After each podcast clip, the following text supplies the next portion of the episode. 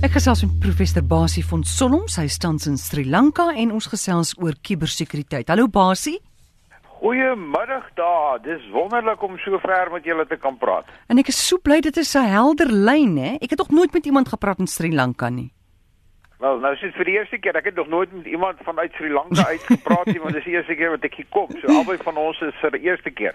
Goed Basie, ek wil by jou weet, daar's nou 'n kredietklaringsmaatskappy in Amerika met die naam van Equifax. Hulle het 'n reuse kraak beleef die afgelope week. Meer as 140 miljoen Amerikaners se persoonlike inligting ja. is gelek, ja. ook hulle sosiale veiligheidsnommers. Wat is die gevolge van so iets? Dame, hierdie hierdie hierdie is 'n lelike ding. Hierdie is regtig dink ek iets wat vir my en vir jou in die straat moet begin sê ons is in die moeilikheid, want ons is in die moeilikheid. Hierdie maatskappy is een van die drie groot kredietklaringsmaatskappye in Amerika. Nou moet jy onthou soos jy nou reg gesê het, hulle het 143 miljoen van hulle kliënte se inligting is gelek. Daai inligting, watse tipe inligting dra 'n kredietklaringsmaatskappy? Mm. Eerstens dra hy hulle sosiale veiligheidsnommer wat ekwivalent is aan ons ID-nommer.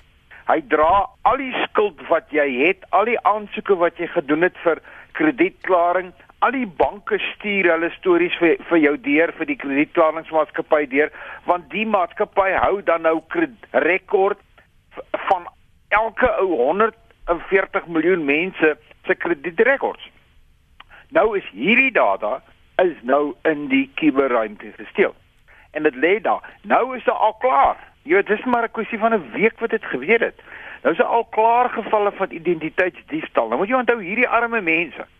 Soos wat my en jou ID-nommer vir die res van jou lewe. Ek kan hom nie verander nie. Soos 'n wagwoord wat ek 'n nuwe een kan kies nie. My ID-nommer is my ID-nommer. Die Amerikaners se aanhalingstekens ID-nommer is hulle sogenaamde social security number, hulle sosiale veiligheidsnommer, waarmee hulle deur hulle lewe gaan, waarmee hulle aansoek doen om 'n vrou te kry, om om krediet te kry, om 'n huis te koop en alles.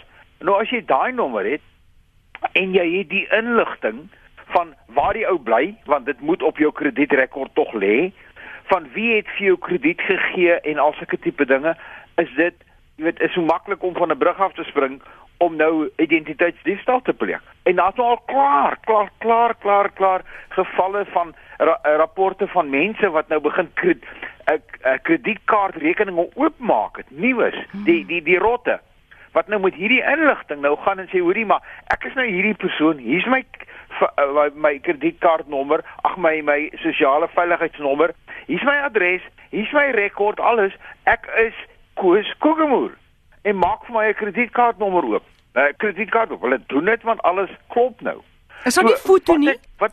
Eh, Basie, ja. is daar nie 'n foto nie? Het mense nie op daai stelsels fotos van die Wel, eh, uiteraard, uiteraard gaan jy dit ook hê. Jy jy gaan jy gaan foto's daarvan hê en dan gaan ek dan gaan heel waarskynlik ander sensitiewe dokumente ook kan lê, soos huiskopie van jou huisverwant of wat ook al.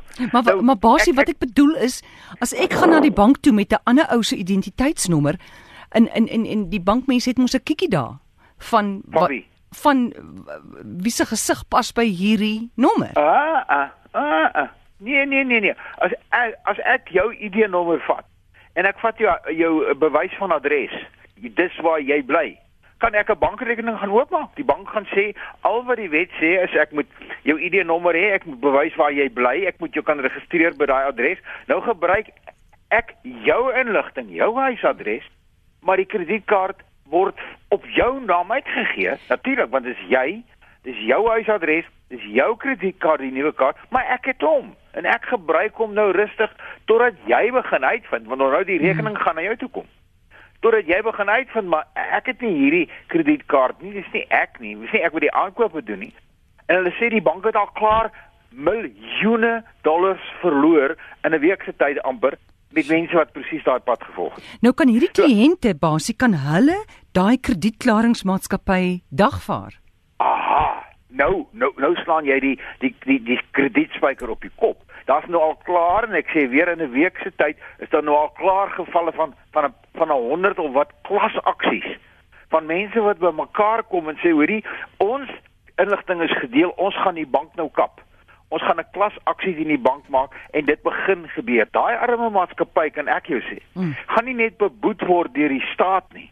Hy gaan alles verloor omtrent deur middel van die kliënte wat wat klasaksies maak. En daarom sê ek ek en jy dit gaan met ons gebeur. So seker as wat die son wil die son skyn nie meer hier nie maar so seker as wat die son na buite skyn gaan dit gebeur. Ons moet vir onsself begin sê waar waar gaan ons ons hakke in die grond steek? Want al klaar van die Amerikaanse senators het gesê hier moet 'n klomp mense van Equifax moet tronk toe gaan.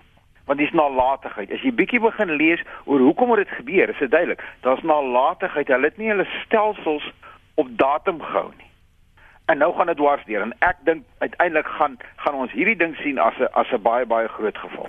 Wat kan ons as gewone mense doen om te keer dat ons inligting nie so gesteel word nie? Eerstens, eerstens moet ons regte vrae begin vra en tweedens Hoorie wat ek vir jou sê. Tweedens moet ons nie net eenvoudig nou gaan omrol en sê klie my maag as dit met my gebeur nie. Ek en jy moet ons hakke in die grond steek soos ek sê ons moet vir die vir die bank, vir die kredietmaatskappy, vir wie dit vir die staat, want dit gebeur met die staat ook. Moet ons gaan sê, hoorie, ek vat jou hof toe.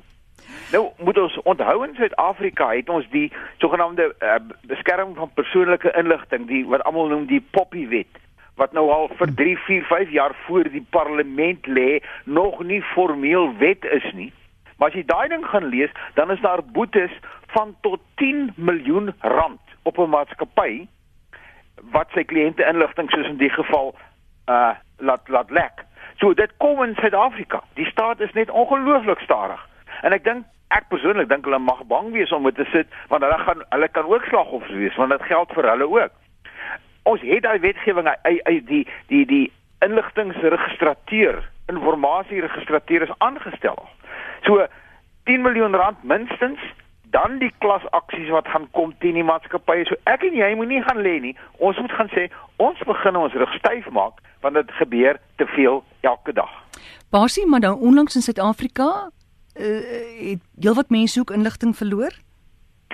Ja, ek het nou maar gelees die week wat ek hier was dat daar in hierdie week ehm, 'n um, uh, webwerf gekraak is van van van een van 'n groot maatskappy wat kontrakte met en vir en saam met 'n krygkort doen. En daar lê persoonlike inligting van eh, sensitiewe inligting. Dis nou nie noodwendig persoonlike inligting nie, maar dis inligting oor kontrakte van die staat, persoonlike en en sensitiewe kontrakte van die staat wat gelek is. Jy weet, nou nou sê ons ag man, ons hoor nou so baie van data wat gelek word. Dis nou dit is moet nou maar so wees. Dit moenie so wees nie. Ja, as jy nie jou stelsels behoorlik kan beskerm nie, dan moet jy die gevolge dra of jy nou 'n maatskappy is en of jy die die die die, die voorsitter van die direksie van die maatskappy is, jy moet jy moet die gevolge dra en jy moet tronk toe gaan as jy moet tronk toe gaan. Dis wat ons moet begin doen. Anders te gaan ons soos met misdaad baie baie aangevalle van misdaad. Dit eenvoudig gaan erger en erger en erger word. Goed, en wat sê die Suid-Koreane? Hoe hoe oud moet 'n kind wees voordat hy 'n selfoon kan hê? O, ek het nou hier by by die by die konferensie waar ek was, dis hoekom ek hier is, met 'n hele klomp internasionale ouens gesels, onder andere met 'n baie goeie kollega wat ek ken van Suid-Korea.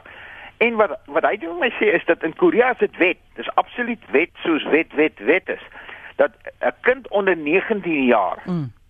mag net 'n selfoon hê as hy voorgeskrewe moniteringsprogrammatuur op het. Met ander woorde 'n moniteringsstelsel en die maatskappy wat die foon aan daai kind verkoop of die maatskappy wat die foon aan die ouer verkoop of die ouer wat die foon vir die kind gee het 'n wetlike verantwoordelikheid om te sorg dat daai moniteringsprogrammatuur op daai foon is waarmee jy nou baie dinge kan doen. Jy kan nou gaan kyk waar die kind gewees het Jy kan dit self beheer van jou eie foon af want dit is so 'n soort van 'n toepassingsding. Jy kan kyk waar hy rondgeswerf. Jy kan vir hom tye stel.